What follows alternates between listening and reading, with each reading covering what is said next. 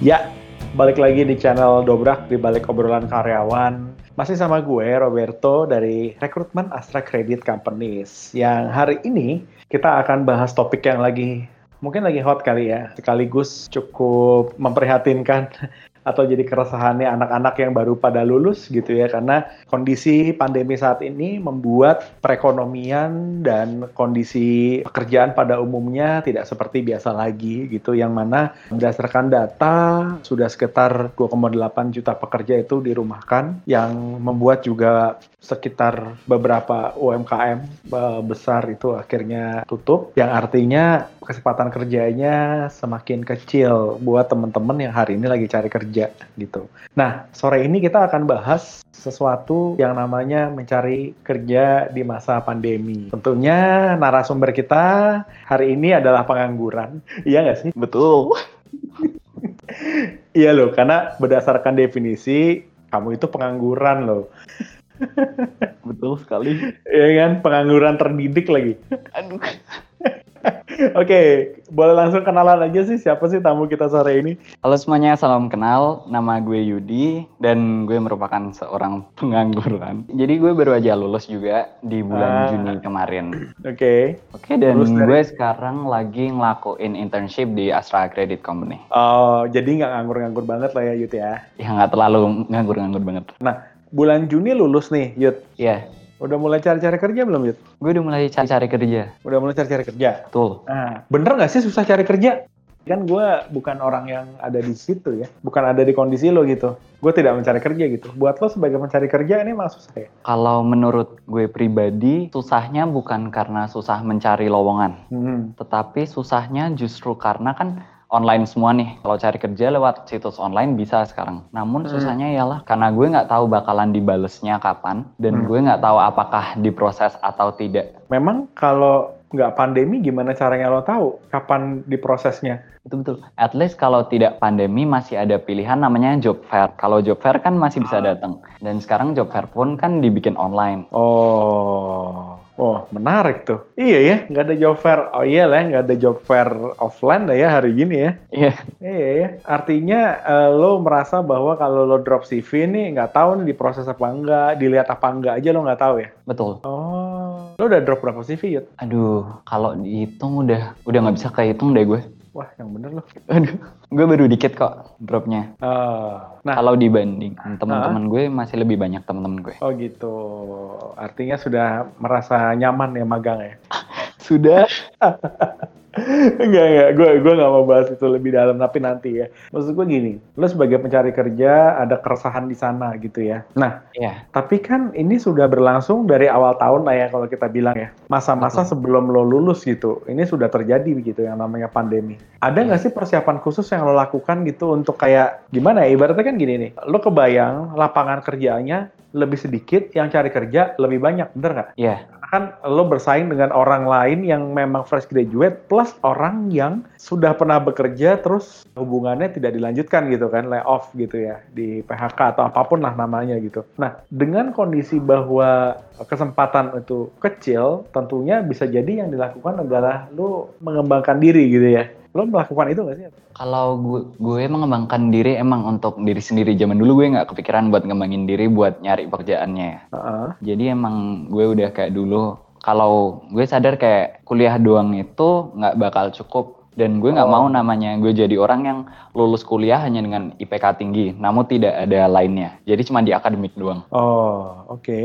Gitu. Jadi gue untuk mengembangkan diri, uh -uh gue mengambil ke tiga hal. Oke. Okay. Tiga Apa hal aja itu tuh? gue ngambil ke organisasi satu. Oke. Okay. Yang kedua ke bagian kompetisi. Kompetisi, oke. Okay. Yang ketiga untuk magang, internship itu gue juga ngelakuin. Oke. Okay. Dan yang oh ya ternyata ada empat. Yang terakhir gue juga sempat ngelakuin exchange program. Exchange program. Jadi yeah lo melakukan empat hal dalam mengembangkan diri lo. Dalam dalam konteks sebenarnya lo mempersiapkan setelah lo lulus gitu ya. Lo berharap sudah punya kompetensi eh, kompetensi kompetensi yang lo dapat dari hasil pengembangan diri lo itu gitu ya tanpa hmm. menunggu ada pandemi sebenarnya itu sudah dilakukan gitu ya. Artinya ada tiga hal tadi gitu ya. Ada organisasi, lomba, terus ada magang sama satu lagi exchange. Nah, lu kan udah ngelakuin empat-empatnya nih. Iya. Efek-efeknya boleh tahu nggak? Maksudnya mana sih yang efeknya tuh gede banget buat lo gitu? Efek dalam konteks pencarian pekerjaan atau gimana? Dalam konteks nih? lu hari ini sebagai pengangguran. Okay.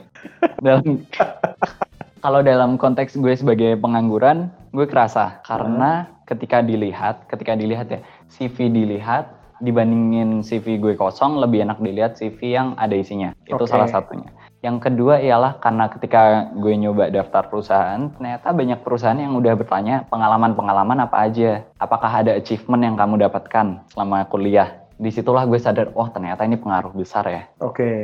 nah compare dengan magang, compare dengan yang namanya organisasi, lomba dan exchange itu. Kalau empat hal ini di compare gitu, Yud, mana yang efeknya paling besar buat lo?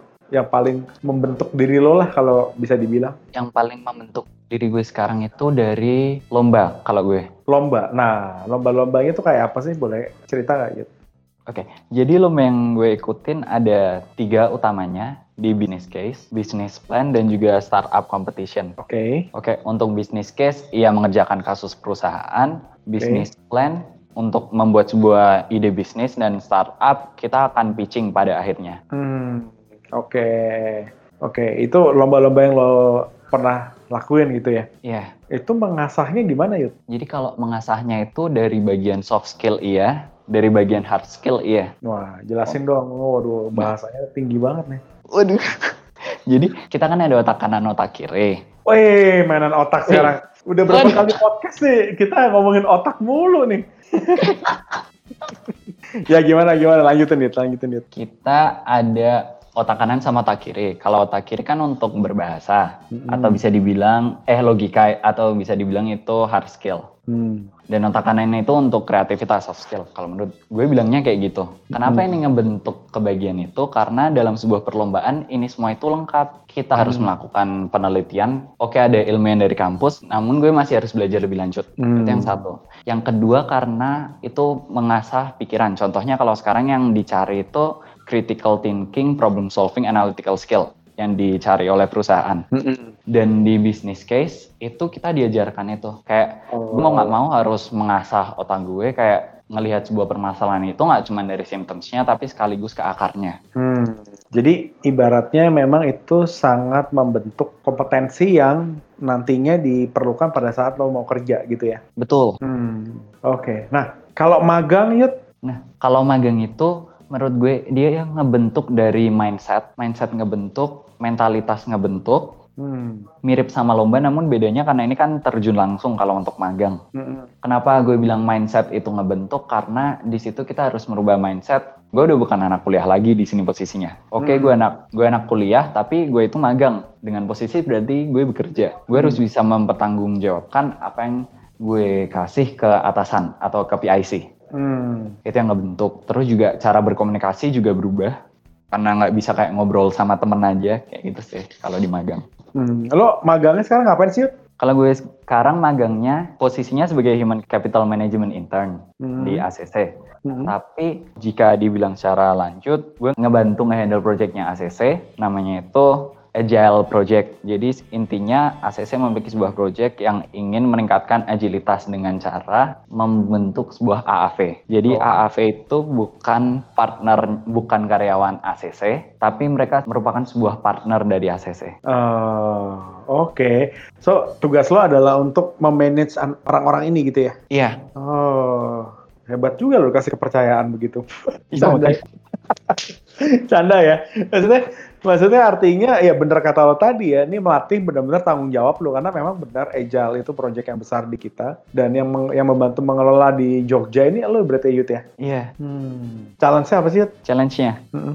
Jadi kalau challenge-nya karena kemarin gue masuk itu program ini masih baru banget. Hmm. Jadi pada saat itu masih sistem belum terlalu stabil, hmm. sehingga masih ada banyak perubahan. Dan tadi yang gue bilangin masalah agile agile system itu itu masih ada banyak perubahan. Hmm. Jadi kayak pas challenge-nya intinya kayak gue ngebantuin nyari mana sih yang paling cocok aslinya buat project AAV ini. Oh, oke. Okay. Oke, jadi memang di sana ada tadi ya lo bilang problem solving ini juga lo lakukan gitu ya pada saat jadi anak magang gitu ya. Betul. Oke, nah ini balik lagi nih ke topik utama nih, cari kerja nih. Dengan pengalaman lo yang seabrek itu, plus lo punya pengalaman magang yang udah kontekstual di dunia pekerjaan gitu, tetap susah cari kerja ya? Tetap susah.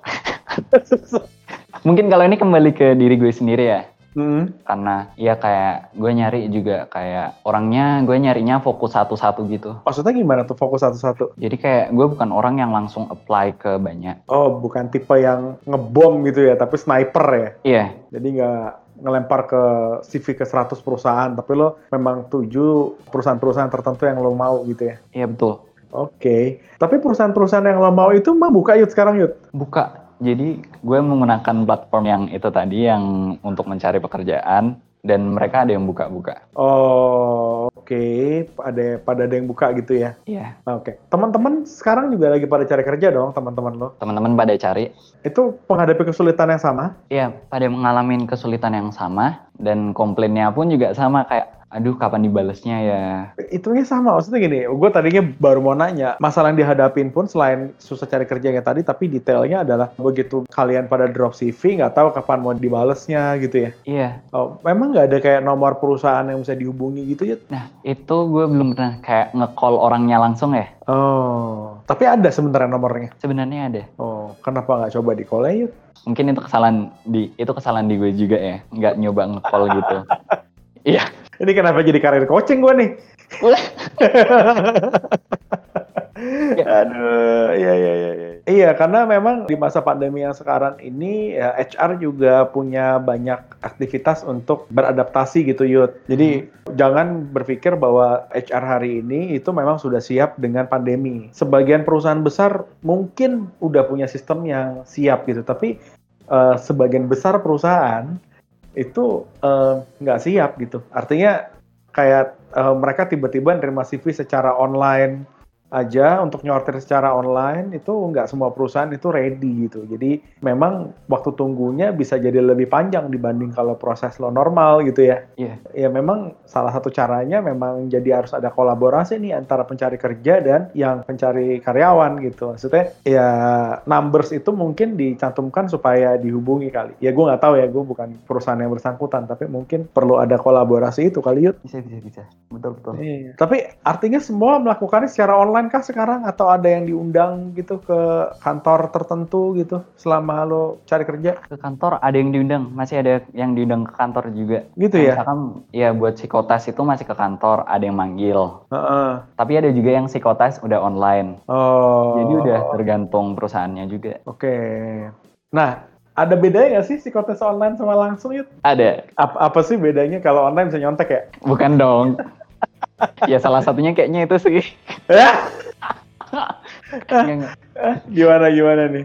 Jadi kalau online itu kayak menurut gue pribadi ya moodnya nggak kebentuk feelnya. Oke, okay. gimana sih moodnya nggak kebentuk gue gue gak kebayang. Jadi kalau gue offline kan udah jelas ini gue duduk di ruangan dan di ruangan ini gue bareng orang-orang yang mau psikotes dan di depan itu ada yang ngenilai gue. Hmm. Udah ini jelas kayak otomatis kayak mood kebentuk, adrenalin kebentuk. Oh. Ya. Yeah. Sedangkan kalau online karena ngelakuinnya di rumah, otomatis kayak buat ngebentuk moodnya itu yang tadi adrenalinnya itu biar fokusnya itu kayak lebih berat. Di situ sih kalau gue ngerasainnya. Oh gitu, mood dan adrenalin berarti ya? Iya. Yang ter yang terbentuk kalau misalnya lo jalanin ini offline ya? Iya. Oh, apakah sama dengan tahap interview? Karena kan interview juga ada yang online, ada yang offline kan? Samakah atau gimana? Nah, kalau yang dari gue alamin selama ini itu sama. Oh, sama. Artinya kalau online juga kurang greget ya? Iya, karena enaknya kalau offline kan kita bisa ngeliat orangnya langsung kan. Interviewnya gue bisa lihat langsung kayak tahu raut wajahnya gimana. Dan oh. otomatis gerak tubuh ketika offline juga lebih kerasa. Sedangkan online kan kayak kurang gitu. Oke, okay, oke. Okay. Nah, tapi sebenarnya di sisi yang lain, rekruter pun mungkin mengalami kesulitan yang sama sih, Yud. Karena kan biasanya ketemu bisa mengkondisikan ruangan gitu kan. Ini kan tidak ada conditioning sama sekali gitu kan ya. Kemudian bagaimana membangun chemistry itu juga lebih sulit sih kalau online kan. Iya. Iya iya. Artinya gini, begitu lo jalanin nih gue online online online online gini, berasa lebih cepat atau lebih lama sih waktunya yuk? Secara proses keseluruhan seleksi gitu. Untuk itu gue nggak yakin ya, karena uh. gue juga baru ngejalaninnya di satu perusahaan dan itu online. Gue belum ngejalanin yang kayak full offline gitu atau jalan lancar itu gue belum ngalamin. Oh. Tapi, uh -uh. kalau yang dari gue denger cerita kakak gue dulu kayak ketika gue denger kayak hmm, kayaknya kalau misalkan tidak ada covid akan lebih cepat jadi semakin numpuk aja ya udah nyarinya susah dipanggil juga syukur berharap-harap ya berharap-harap cemasnya juga lebih panjang gitu ya karena secara proses mungkin lebih lama gitu ya dibanding sebelum covid ya iya yeah. Nah, gue jadinya lebih ke gini nih. Misalnya, untuk satu proses lamaran yang biasanya memakan waktu satu bulan, yuk, ini bisa 2 sampai tiga bulan. Let's say begitulah. Iya. Yeah. Ya kan? Nah, dari 2 sampai tiga bulan ini, kan sebagai pengangguran lo semakin hakiki kan? Maksudnya, jadi makin banyak nganggurnya gitu. Iya nggak sih? Iya, betul. Iya nggak sih kayak yang tadinya cuma paling sebulan, sebulan pun ketat, mungkin seleksinya tight, bisa di dua tiga perusahaan gitu ya. Dan itu kayak besok interview di mana, besoknya psikotes di mana, lusanya interview lagi di mana, terus tiga hari lagi dipanggil untuk iya kan biasanya kan bisa kayak begitu tuh kalau misalnya kondisi normal. Dan dalam kondisi hmm. nggak hmm. normal berarti kan ada jeda-jeda waktu gitu kan, di mana ya mungkin kalau nggak punya pilihan aktivitas lu nggak ngapa-ngapain gitu. Iya. Nah lu punya saran gak sih atau lu sendiri ngapain gitu? Nah kalau selain gue magang, sendiri, uh-huh, magang. oh, selain magang. Uh-huh. Jadi selain magang, kalau gue sendiri, jadi kalau gue bilang COVID itu kayak blessing in disguise gitu. Uh-huh. Karena, oke okay, di COVID betul kalau kita itu kegiatan berubah semua, jadi new normal itu.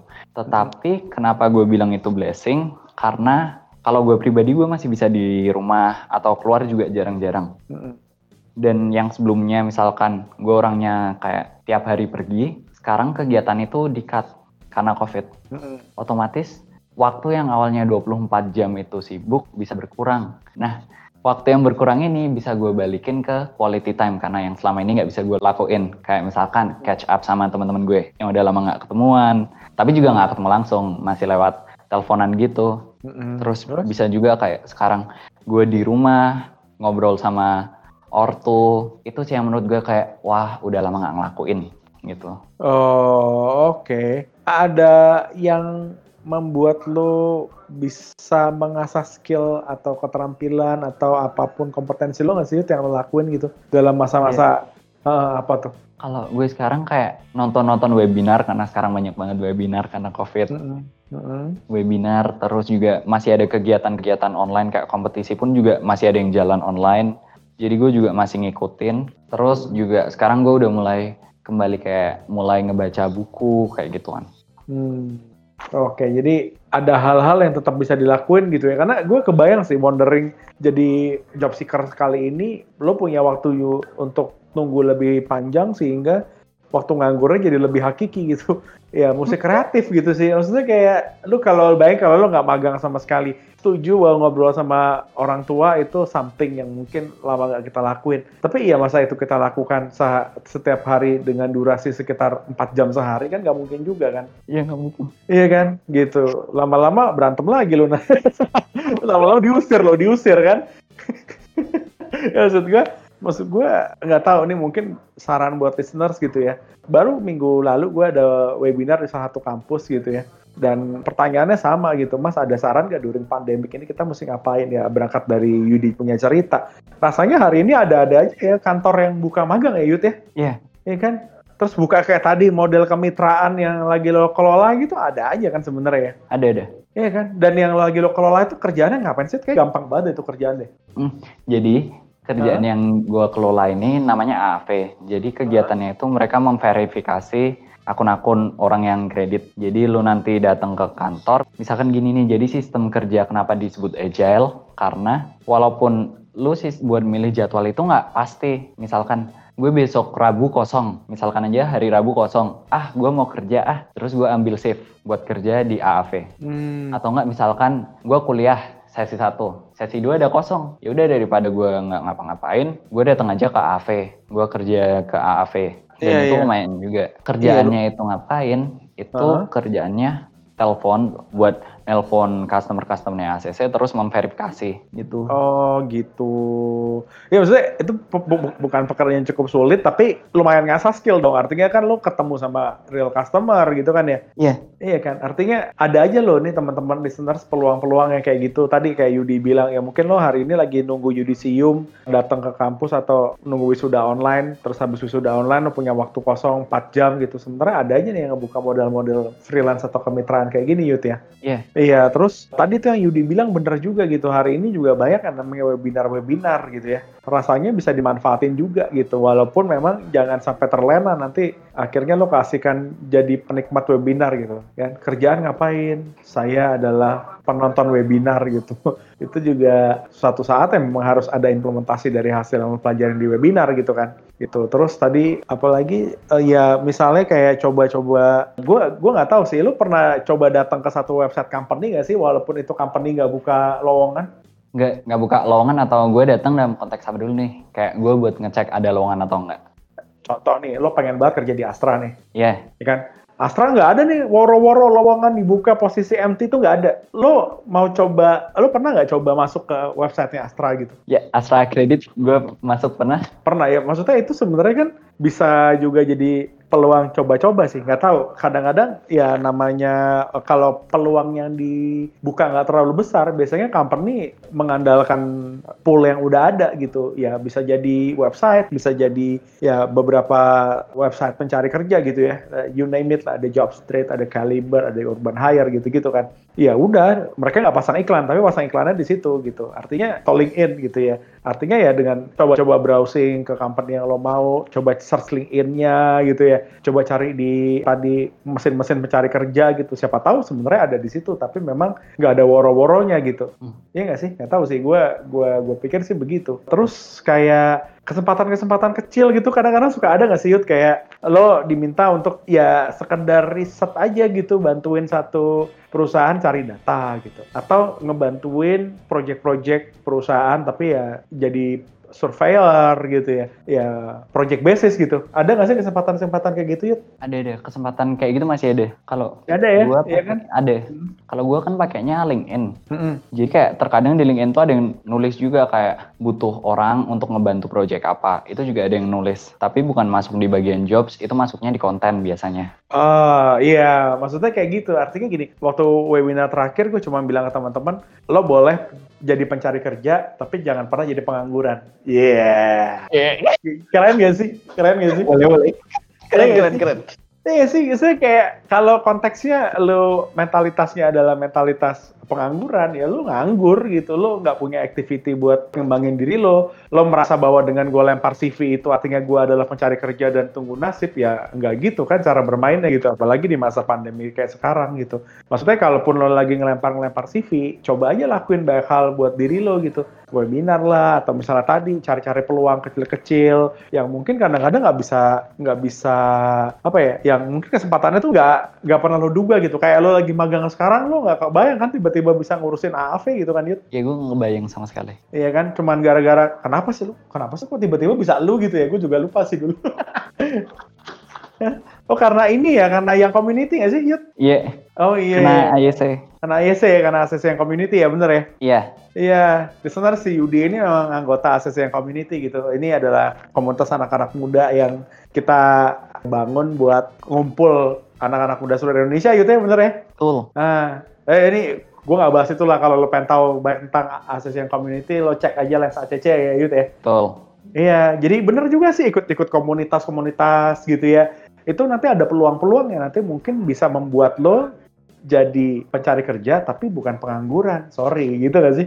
Iya, dan bisa aja malah dari komunitas itu lo ditawarin kerja. Iya, betul. Karena gue kemarin masuk ke satu dua komunitas dan ujungnya sih gue kasih job opportunity loh, Yud. Oh iya? Iya, maksudnya pekerjaan-pekerjaan yang kayak lo lagi kerjaan sekarang gitu. Lo mau nggak bantuin gue ngebangun sistem ini gitu? Lo mau nggak jadi semacam agent gue untuk researcher ini gitu? Itu itu akhirnya bisa dapet sih. Keren, keren. Iya, nah itu nggak akan pernah lo dapetin kalau ya lo diem aja gitu. Maksudnya bener-bener cuma cari kerja dan menunggu lo diterima sih. Iya nggak sih, Yud? Iya, betul Kenapa Tapi jadi itu juga telat nggak sih? Mas, kenapa? Kalau nyarinya pas baru mau mulai kerja juga bisa bahaya nggak sih? Bahaya. Eh bukan bahaya sih. Gue sebutnya mungkin bener kata lo tadi, yuk telat yuk. Iya. Yeah. Iya, jadi bener juga nih diingetin sama Yudi buat teman-teman listeners yang hari ini mungkin belum lulus, jangan nunggu lulus ya, jangan jangan berpikir bahwa ah paling nanti begitu gua lulus corona sudah berakhir gitu ya teh. Ya udah telat juga. Itu udah telat juga gitu. Artinya dalam kondisi normal pun ya lu mesti jalin hubungan sama banyak orang kerja sama-sama banyak pihak ikut banyak komunitas ngembangin diri lo gitu ya. Iya betul. Ya, ya. Itu menarik sih. Artinya ya memang buat teman-teman kayak Yudi yang udah jadi kayak Yudi nih yang udah sering ikut lomba, yang ikut organisasi, yang udah magang-magang, yang relasinya juga udah cukup banyak. Pandemi COVID ini jadi membuat lu tidak jadi pengangguran kan bro? Betul. Wede. Lo boleh koreksi tadi kata-kata gue. Sorry mas, gue job seeker, tapi gue bukan pengangguran. Iya. Yeah. Boleh, boleh. Ya, yeah, sih? Keren ya? Yeah. Keren ya? Iya, yeah, bener-bener. Jadi kalau ditanya, kegiatan lu ngapain dia pengangguran? tapi dapat duit. Woi. Uh, bukan pencari kerja, tapi saya punya penghasilan. Woi. aduh. Iya, bener dong. Artinya artinya itu sesuatu yang rasanya layak jadi pelajaran buat teman-teman listener semua gitu ya. Buat lo lo semua yang hari ini belum lulus jangan berpikir bahwa COVID ini akan berakhir dan lo nanti akan aman-aman aja begitu lo lulus dan lebih mudah cari kerja. Dari sekarang asah diri lo, ikut-ikut komunitas, ya, ya, perbanyak relasi gitu ya supaya lo nanti begitu masa ke depan dan kesulitan ini belum berakhir lo udah punya banyak hal untuk bisa lo kerjain gitu ya. Buat teman-teman semua yang hari ini masih cari kerja during pandemi, gue cuma bisa punya satu kata dan ini sorry banget please semangat gitu ya karena ya gue nggak bisa bilang apa-apa lagi. Ini kondisi yang sulit buat kita semua tapi jangan pernah menyerah. Dan lo cuma jadi seorang pencari kerja dan akhirnya punya banyak waktu lowong nggak lo apa-apain. Lo bisa melakukan banyak hal untuk mengasah kompetensi lo gitu ya. Channelnya banyak banget kalau teman-teman lo bilang aduh enak banget nih ngomongnya bikin podcast gue nggak tahu itu ada di mana. Datang aja ke kita punya Instagram Instagram Lens ACC gitu ya, ke LinkedIn kita Astra Credit Companies gitu ya. Di situ ada banyak info kok tentang peluang-peluang gitu ya, untuk lo bisa ngasah diri lo gitu. Gitu Yud ya? Iya. Gitu nggak sih? sekali. Gak Benar sekali. sekali. Iya, kalau garing banget sih Yud. Aduh, aduh, aduh, udah. Aduh. Ya udah sih rasanya sih itu aja sih teman-teman ya Yud. Jadi thank you sebelumnya Yud udah sedikit ngobrol-ngobrol sama kita nih. Terus kita udah bisa kasih semangat buat teman-teman yang hari ini lagi jadi job seeker maupun teman-teman yang hari ini nantinya mau jadi job seeker gitu. Pesannya kami cuma satu, pesan kita cuma satu bahwa boleh jadi job seeker tapi jangan mau jadi pengangguran. Iya, yeah, gitu Yud ya. Iya. Oke, rasanya itu aja. Thank you Yud untuk waktunya. Thank you juga Mas. Oke, nanti kapan-kapan main-main lagi ya, gue ke Ejal ya. Iya. Oke, kita tutup aja. Gue Roberto dari Astra Credit Companies. Dan gue Yudi Kristianto dari Astra Credit Companies. Emang udah, Jit? Kan intern. Oh, intern? Boleh lah, oke. See you on next episode. Bye. Bye.